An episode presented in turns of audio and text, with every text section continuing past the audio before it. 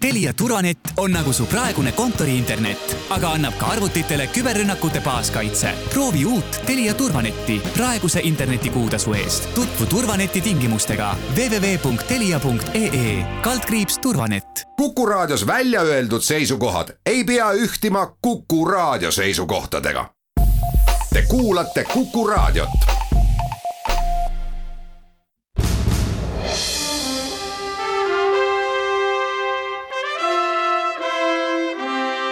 vahetund Postimehega.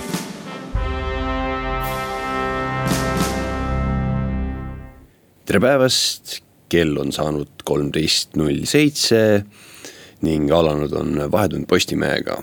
mina olen teie saatejuht Henri-Laur Allik Kuku raadio kuulajale võime öelda, et siit äh, Tallinna stuudiost äh, väljas paistab päike, on karge ilm, ilmunud on järgmised äh, lehed. ja tänases saates me arutleme selle üle, mis saab meie kõige põletavamast teemast abielureferendumist ja mis võib sellele saatuslikuks saada. saate teises, teises pooles teeme juttu majanduse praegusest käekäigust ja kuuleme ka intervjuust, äh, esimesest intervjuust pärast taasiseseisvumist äh, siis Välisluureameti luurajaga. aga praegu olen stuudiosse külla kutsunud Postimehe uudistetoimetusest kolleegid äh, Aimar Altosaare. tere päevast. ja Nele Kullerkupu. tere päevast järgmisel nädalal on abielureferendumi esim-, eh, esimene või siis eelnõu esimene lugemine riigikogus, et äh,. Aimar, kuidas paistab, et kas sealt võib äh, tulla midagi sellist mida me saame Krimmi uudistest lugeda või hoopiski terviseportaalist?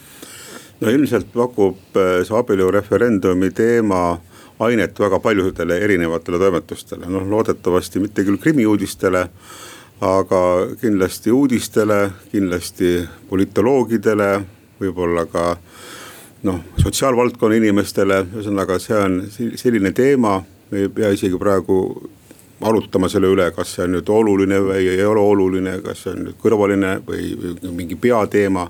fakt on see, et see on kujunenud meie poliitikas praegu niivõrd oluliseks ja sellega noh, peab tegelema, sest et see on praegu tulipunktis nii et esmaspäeval me näeme võib-olla selle sügise kõige olulisemat poliitilist sündmust, nimelt äh, abielureferendumi eelnõu hääletamist no selleks on, et esimene lugemine läbi läheks, on vaja poolthäälte enamust, aga tervikpildis me ikkagist äh, räägime äh, kogu riigikogust, et mis see häälte seis on?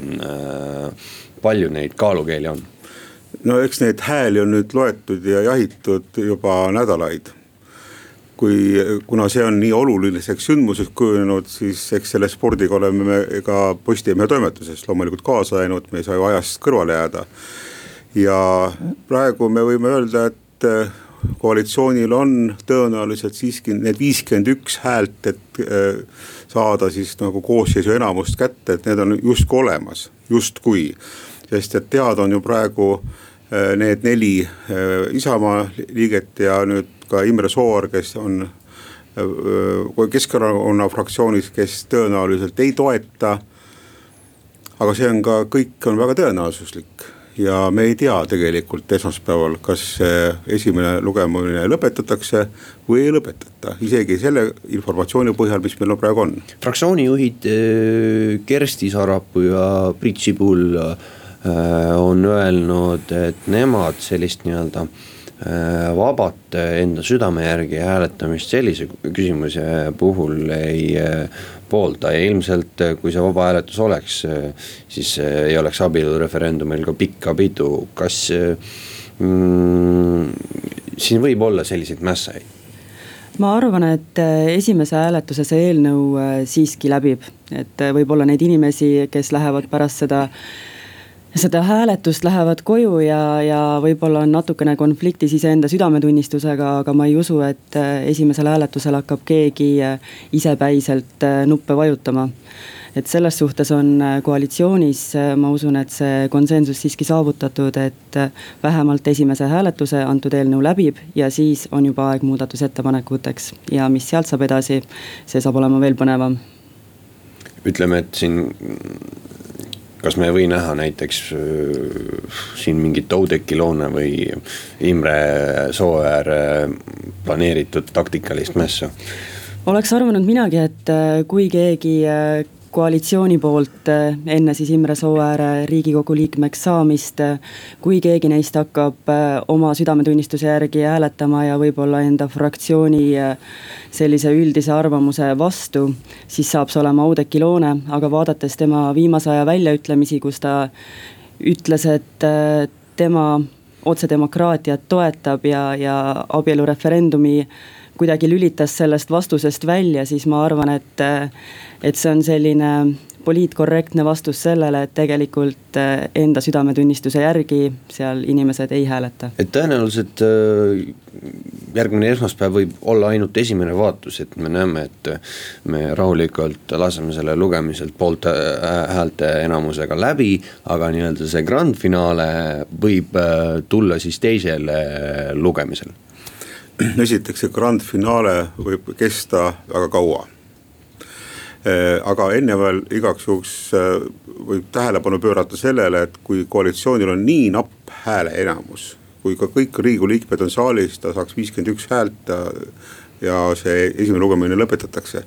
kuid riigikogu ajaloos on olnud juhuseid, kui väga napi ühehäälelise enamuse puhul keegi kogemata isegi noh, jumal teab, mis põhjusel vajutabki valesti nii on juhtunud. Ja, ja, ja sellist noh, selliste juhuste eest polegi kunagi keegi kaitstud, nii et see, see ripubki natuke juhusi küljes. aga jah, kui seda juhust ei tule, kõik läheb plaanipäraselt, siis tõenäoliselt ma olen nõus sellega, et see esimene lugemine lõpetatakse. Ja grand finaale, kuidas saatejuht nimetas see on nihuke pikk piinarikas protsess Eh, see on kõigile osalejatele, riigikogu liikmetele väga piinarikas, ülimalt tüütu, väsitav, ruineeriv. ja see muutub loomulikult ka publikule ja ajakirjanikele kõigile lõpuks väga tüütuks ja piinlikuks. et eh, see on nihuke suur närviproov, kes peab siis sellele nagu vastu, kas opositsioon, koalitsioon või tulevad lihtsalt lõpuks inimesed mässama, et kuulge, lõpetage ära, et see on suur närviproov, see on Eesti sellise parlamentarismi eh, proovikivi pigem äh, pole nagu aprillis toimuv äh, referendum äh, nii kindel. Ma arvan, et pigem mitte, sellepärast et olles rääkinud ka paari opositsioonisaadikuga, siis nemad on ka seda meelt, et esimene lugemine läbitakse ja pärast seda, kui tuleb muudatusettepanekute aeg, ütles mulle üks opositsiooni liige just värskelt enne seda saadet, et me kavatseme esitada tuhandeid ja tuhandeid muudatusettepanekuid, oli tema täpne tsitaat. nii et selles mõttes eh, lihtsalt see ei lähe. esimene lugemine, ma arvan, et seda ei saa võib-olla antud protsessi puhul nimetada isegi soojenduseks mitte, ma usun, et eh, tsirkus tuleb pärast seda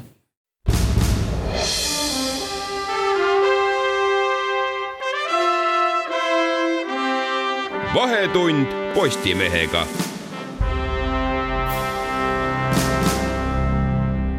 tere tulemast tagasi, jätkame abielureferendumi teemal, nagu enne rääkisime, siis tõenäoliselt äh, eelnõu äh, võib esimesel lugemisel äh, läbi minna ja ollakse nii-öelda fraktsiooni seisukoha truud, aga et ähm, päris möll hakkab pihta siin äh, teisel lugemisel, kui saab esitada muu-, muudatusettepanekuid. Äh, Aimar, mis opositsioonil plaan on? opositsioon on väga enesekindel, neil on tegelikult juba tükk aega töö käinud, et toota tuhandeid äh, muudatusettepanekuid sellele eelnõule ja Kaja Kallas ütles eilse päeva seisuga, et juba Reformi fraktsioonil oli valmis kolm tuhat kaheksasada, see töö jätkub. ja on teada, et äh, sotsiaaldemokraadid on pakkunud veel suuremaid numbreid, et kokku räägitakse võib-olla isegi kümnest ja kahekümnest ja veel jumal teab mitmest tuhandest muudatusettepanekust igaüks võib arvutada, kui iga muudatusettepaneku hääletamise eel võtta kümme minutit vaheaega. ja kui silmas pidada riigikogu tööaega nädalas noh, seda kusagil kolme, kolmekümne viie tunniga paiku vist on see ja siis ta jagab need tundideks ära siis ja riigikogu töönädalaid on kuus-kolm. siis on juba mõne tuhandega on praktiliselt üks kuu läinud. ja kui me räägime kümnest tuhandest, siis on see maikuuni, tähendab elu seisab.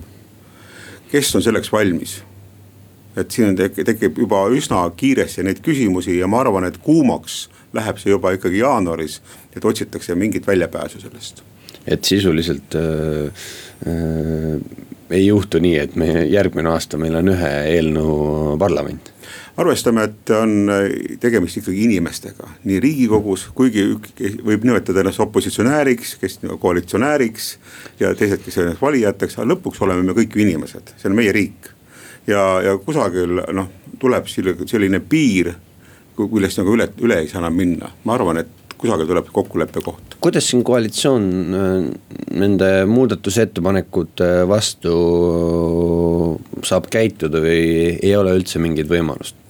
ega palju võimalusi ei ole. Äh, riigikogu esimees Henn Põlluaas eile ütles, et nad äh, võtavad nii-öelda lahingu vastu ja nad otsivad väljapääsu, kuidas need muudatusettepanekuid kokku pakkida, et teha seda asja lihtsamaks jah, see ongi nende ilmselt kõige suurem töö praegu otsida neid võimalusi, kuidas kokku pakkida, teha see asju lühemaks.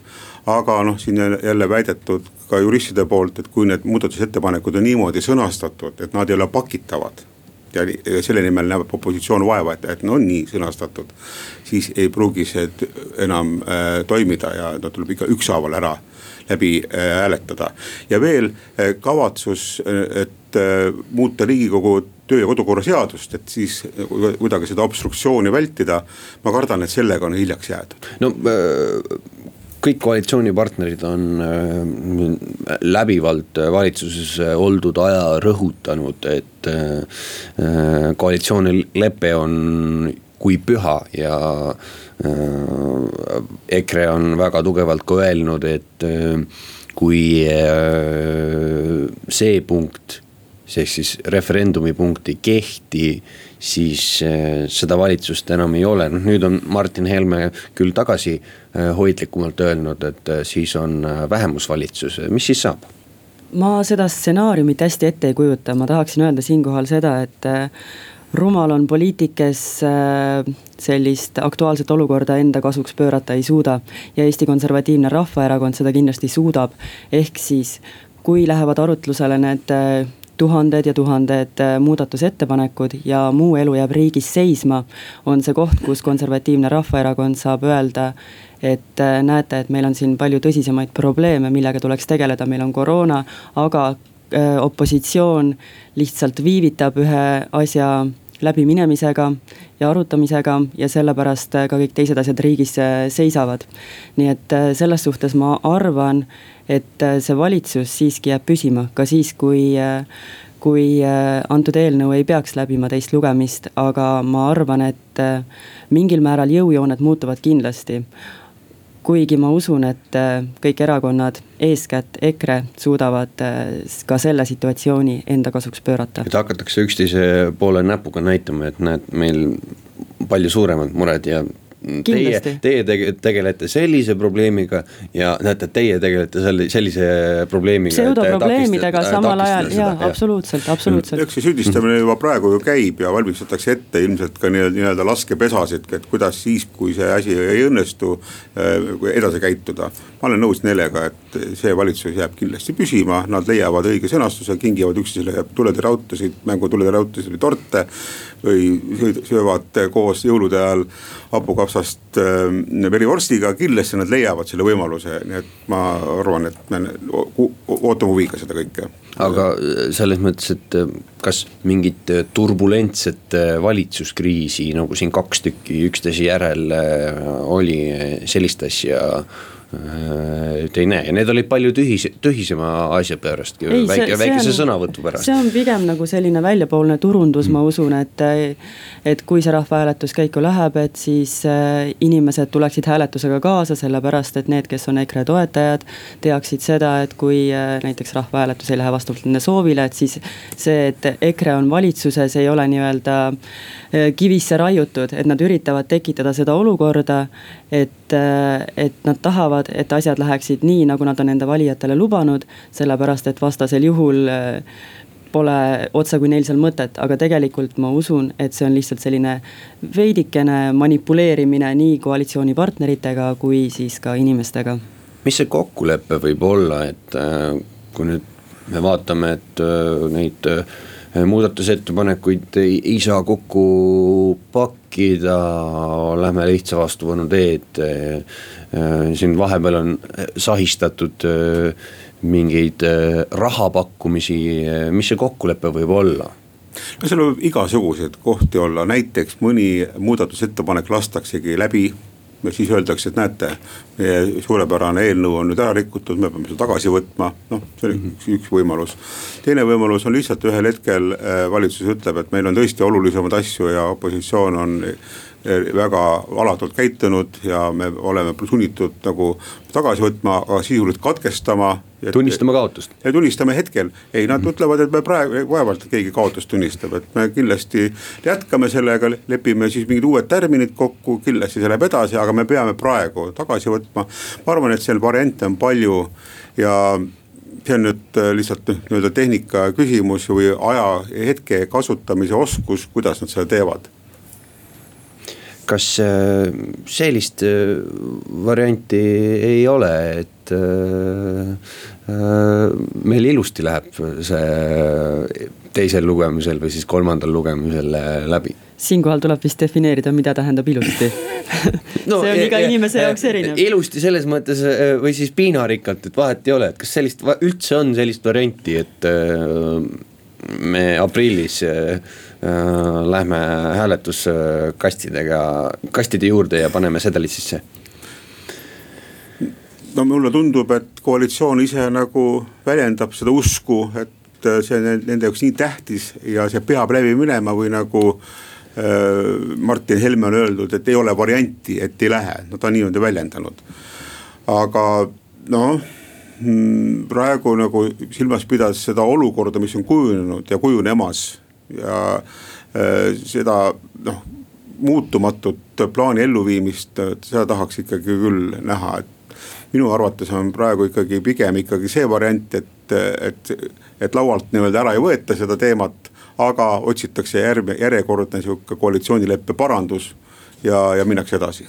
Ma usun, et meil on järgmise esmaspäeva õhtul juba hoopis selgem pilt kui praegu aga aitäh saatesse tulemast ja lähme kuulama ära reklaamid.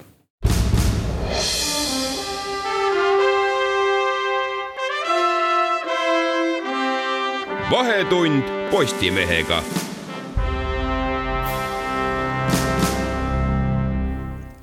tere tulemast tagasi ja nüüd on aeg rääkida natuke majanduskäekäigust, olen stuudiosse palunud Postimehe majandustoimetuse juhataja Erik Aru tervist. ja majandustoimetuse reporti, reporteri Erki Erilaju. tere no tervishoiukriis maailmas kui ka Eestis äh, süveneb, äh, iga nädal me näeme uusi piiranguid, just on äh, valitsus teatanud, et pannakse kõik koolid kinni, keelatakse ära kõik huviharidus, sisuliselt Ida-Virumaal pannakse kõik, terve elu lukku, et kui nii-öelda piirangute kuhjumine jätkub, mis mõju me siit oskame ennustada? no ega see majandusele loomulikult midagi head ei tähenda, et eks seda me mäletame siit kevade perioodist, et kus tegelikult siis kogu riik kinni pandi, et.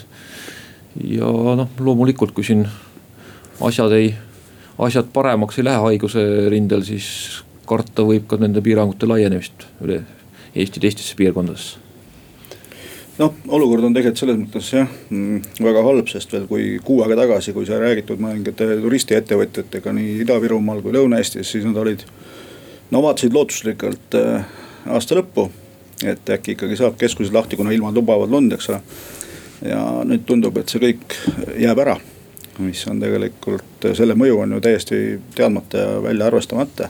sama kehtib mitte ainult Eestis, vaid ka näiteks Soomes ja, ja Kesk-Euroopas et olukord on kõigil keeruline. ma saan aru, et kõik, mis sisuliselt seo-, seondub liikumisega, äh, meelelahutusega äh, turismiga, kõik on mõnes mõttes hukule määratud juba.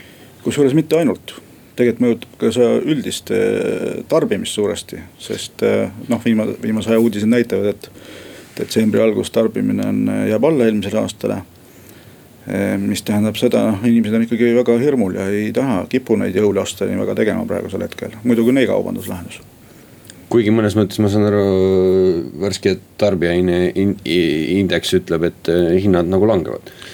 hinnad langevad, aga see on selline huvitav nähtus, et, et mis siis täpselt langeb. et toit näiteks läheb kallimaks ja ilmselt, ilmselt see mõjub mõjutab inimesi märksa rohkem kui see, et lennukipiletid näiteks odavnevad või hotellitoad.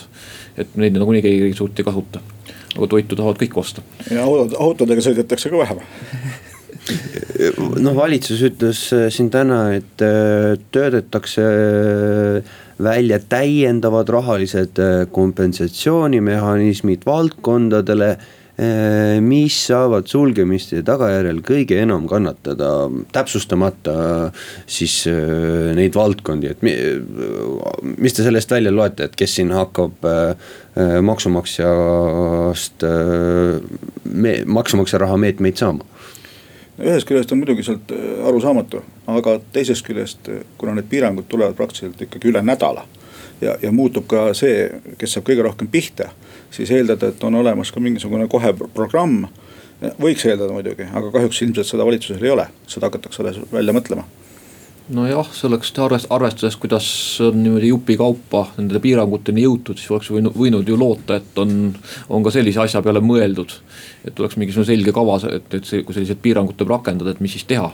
just nende meetmete koha pealt, aga jah, et eks meil selle natukenegi järgmisest nädalast kaugemale mõtlemisega ole, ole ennegi probleeme olnud. jah, kui mulle endale ka tundub, olen siin äh, paart pressikonverentsi ka ühisministeeriumis külastanud äh, paar nädalat tagasi, kolm nädalat tagasi oldi äh, väga optimistlikud ju, et iga hinna eest hoiame äh, riiki lahti, noh nüüd tundub, et see iga hinna eest hoiame riiki lahti loosung enam nii kõvasti ei hõigata.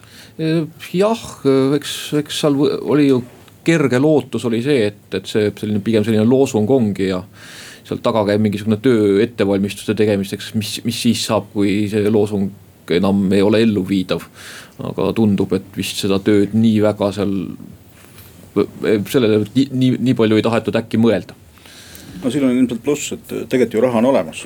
KredExil on raha olemas ja, ja uusi, uusi toetuspakette mõeldakse Euroopas ka välja, et selles mõttes raha nagu oleks no vaatame siin värsket töötute arvu, mis näitab meil eh, viiskümmend kaks tuhat kakssada kaheksakümmend üks ja see nii-öelda tõus, ma saan aru, viimase kuu jooksul on olnud eh, kaheksa koma üks protsenti, et eh, kas see on nüüd juba tipp käes pärast palgameetmete lõppu või on meil siin veel krahhi oodata töötukassa osas?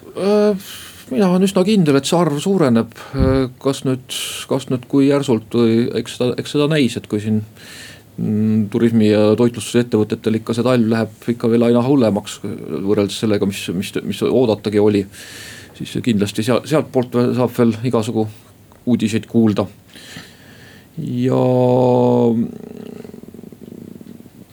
ja põhi, põhimõtteliselt, põhimõtteliselt ega siin nendes sektorites ilmselt mingisuguseid tööpakkumisi ei ole kellelgi kuskilt loota aga ma saan aru, riigi, riigis ikka otsitakse nii-öelda, avalik sektor äh, suurem osa otsib.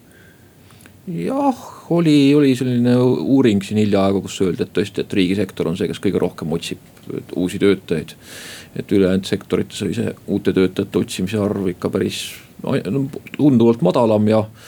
ja just seal turismi ja majutuse sektoris oli vist umbes minu mälu järgi äkki kaheksateist protsenti oli neid ettevõtteid, kes mõtlesid selle, et tahaks uusi töötajaid ka veel palgata. kelle jaoks äh, praegu elu lill on? ITK-s.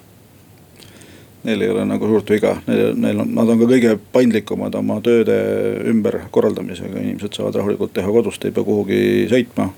ühistranspordis tellivad koju läbi e-kaubanduse omale süüa ja põhimõtteliselt äh, nad ei, nad ka ei haigestu tänu sellele ja, ja noh, kõige halvem on vast võib-olla nendes sektorites, kes lootsid endal detsembris juurde palgata inimesi selles mõttes, et kaubanduses ja, ja turismisektoris.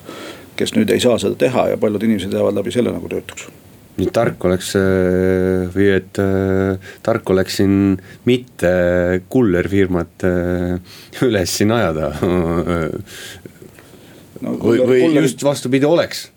Kullerid ja, ja, ja ka Omniva töötavad vist praegu nagu oma võimete piiril, mis on ammu tegelikult ületatud ilmselt. nii et siin, idee targematele nupumeestele, et mis siis, mis siis siin lahendus on või et tuleb ära kannatada, oodata mm, vaktsiinini või? ega ma midagi targemat küll pakkuda oska praeguse seisuga, et. ainuke päästekiir? paistab nii jah, paistab nii. no seda näeb ka tur-, turg aimavat, sest ega nüüd see ütleme, neljas kvartal tuleb kindlasti kehvem kui oli kolmas. kui vaatame majandus, majanduses toimuvat ja ka majanduskasvu number ilmselt ei ole nii hea ja sama jätkub ka ju tegelikult esimeses kvartalis. et kui märtsi, märtsis, märtsi lõpus, aprillis jõuavad inimesed äh, massvaktsineerimiseni, siis äh, alles siis hakkab see asi nagu paranema.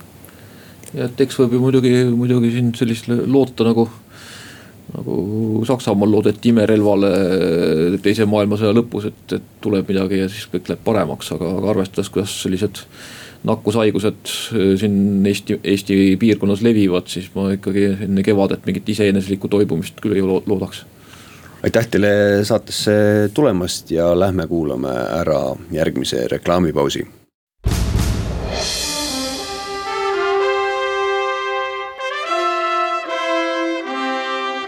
Vahetund Postimehega.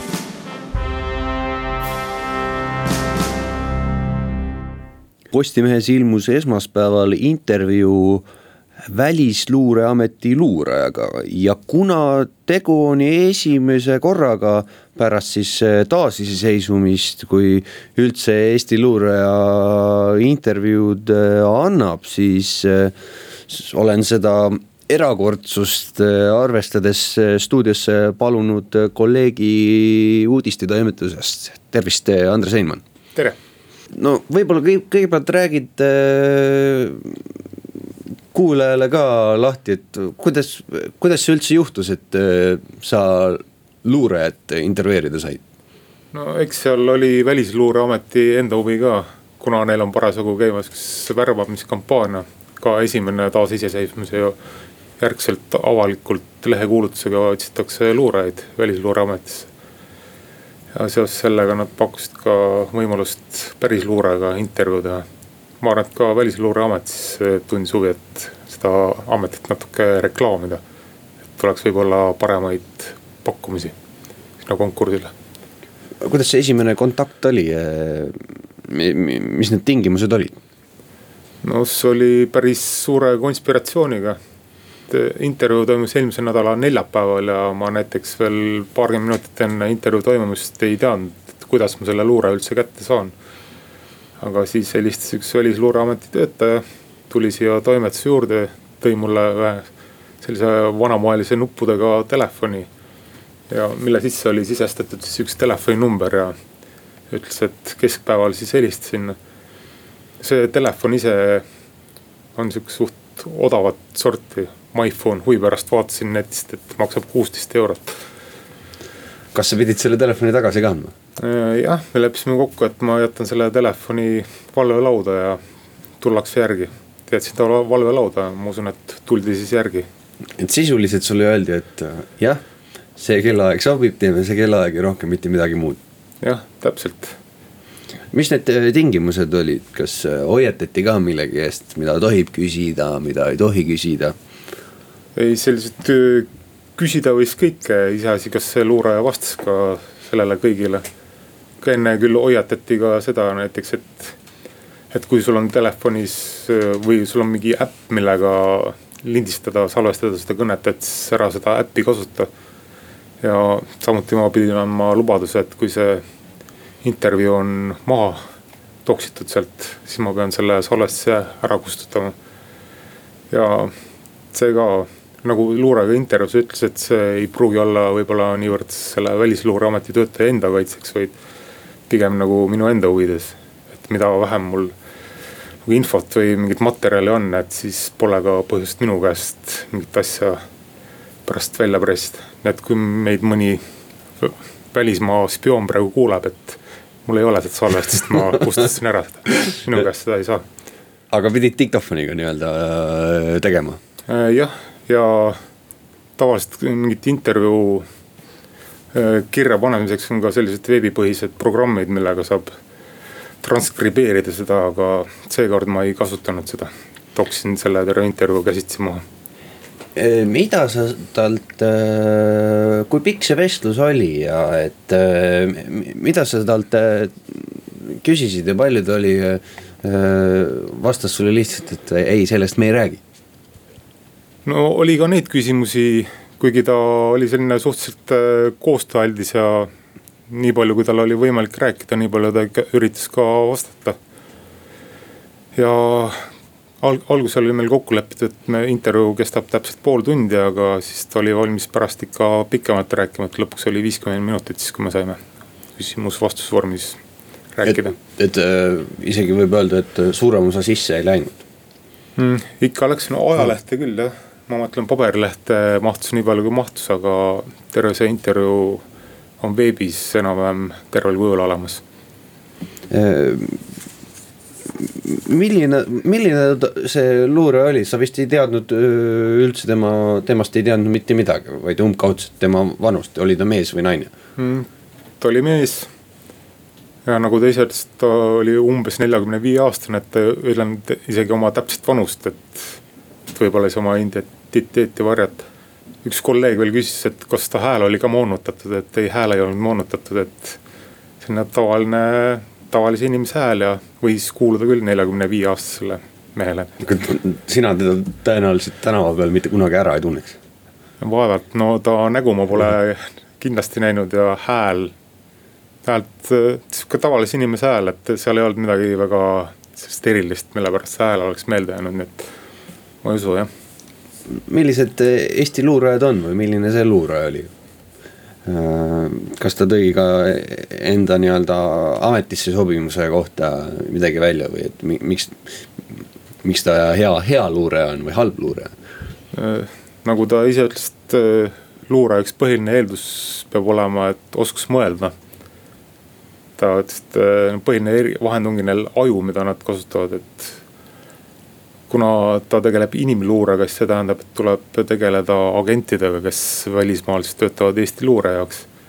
ja see on väga spetsiifiline oskus inimest nii-öelda lahti muukida. et kuidas talle läheneda ja millal siis selline koostöö ettepanek teha ja nii edasi, et see on selline omaette teadus, seda peab väga hästi valdama. ühesõnaga inimene peab luurajat huvitama. et ta nii-öelda otsib, sisuliselt tema töö on välismaal otsida Äh, infot ja inimesi, kes infot, meie riigile kasulikku infot annaks. just ja see ei pruugi alati olla inimene, kes on valmis Eesti riigiga koostööd tegema. sest äh, ta mainis ka ühes lauses nii-öelda teist lippu, et mõnikord värvatakse inimesi ka nii, et nad arvavad, et nad annavad infot näiteks mingi teise riigi luureteenistusele ütleme näiteks, et arvavad, et nad teevad soomlastega koostööd, aga tegelikult tuleb see info siis Eesti luurele. aga nende põhiline töö on jah, leida inimesi, tegeleda nendega, töötada nendega ja saada nende käest infot. aga nii-öelda füüsiline vorm, see ei ole tähtis või ei ole see selline äh, nagu märulifilmi töö? ei, James Bondid nad küll ei ole niimoodi, et tulevad, löövad jalaga ukse maha ja siis pärast kaklevad, löövad kümme inimest rusikaga pikali, et selline ei ole tegelikult luuraja töö luuraja ülesanne on sulandada massi, mitte millegagi silma paista ja teha oma tööd. aga füüsiline vorm jah, selles mõttes on vajalik, et teinekord tuleb väga pikalt kõndida ja lihtsalt olema valmis ootamatusteks et pikalt kõndida, et aru saada oma ümbruskonnast ja et äh, aru saada, et kas keegi neid ju parasjagu siis ei jälita. jah, just ja ma vaatasin seda töökuulutust, äh, mille välisluureamet oli välja pandud ja seal oli ka öeldud, et vähemalt siis see luureinfo spetsialist on selle ameti nimetus. need siis luurajad, kes teevad välismaal tööd, et ametisse kandideerides nad peavad tegema ära NATO testi. et mingi füüsiline vorm on ikka vajalik. kuigi samas see luuraja ka intervjuus mainis, et kui on olemas näiteks ratastoolis inimene, kes on väga hea inimeste tundja ja lahtimuukija, et siis nad võtaksid väga hea meelega ta tööle. just siis kõhulihaseid ja kätekõverdusi ja nii-öelda kolme koma kahe kilomeetri jooksu, sellest võib pääseda. Eh, võib teatud tingimustel, aga siis peavad sul muud väga head oskused olema. aga nagu üldiselt jah, selline standard näeb ette, et NATO testi peab ära tegema mis see kadalipp äh, peab olema, tõenäoliselt äh, meie luurajad lähevad välismaale tööle, aga mis oskused äh, või mis kadalipu nad läbivad? See ei ole ju midagi nagu erioperatsiooni grupi katsetega sarnast. ilmselt mitte jah, seal ei pea ilmselt päevi mudas room. ausalt öeldes ma ei tea, ma ei ole kunagi Välisluureametisse tööle kandideerinud, et ma ei tea, mis kadalippu nad läbima peavad, aga teevad oma katsed ära ja tõenäoliselt äh, tulevad neil läbida väga põhjalik taustakontroll. ja kui nad lõpuks tööle hakkavad, eks ega neid ka kohe siis vette ei visata, et kõigepealt teevad siin lihtsamaid ülesandeid ja siis järjest raskemaid ja mingi moment vaadatakse, et oled valmis. kaua kandide-, kaua kandideerida, mis see tähtaeg on? Kolmteist detsember oli, kui ma õigesti mäletan. nii et kui äh, kallis kuulaja soovib saada luureinfospetsialistiks, siis see võimalus on äh, veel olemas, aga see oli äh, tänane Vahetund Postimehega, mina olin teie saate, saatejuht Henri-Laur Allik uudistetoimetusest. oleme uuesti eetris täpselt nädala pärast, aitäh kuulamast ja peatse kuulmiseni.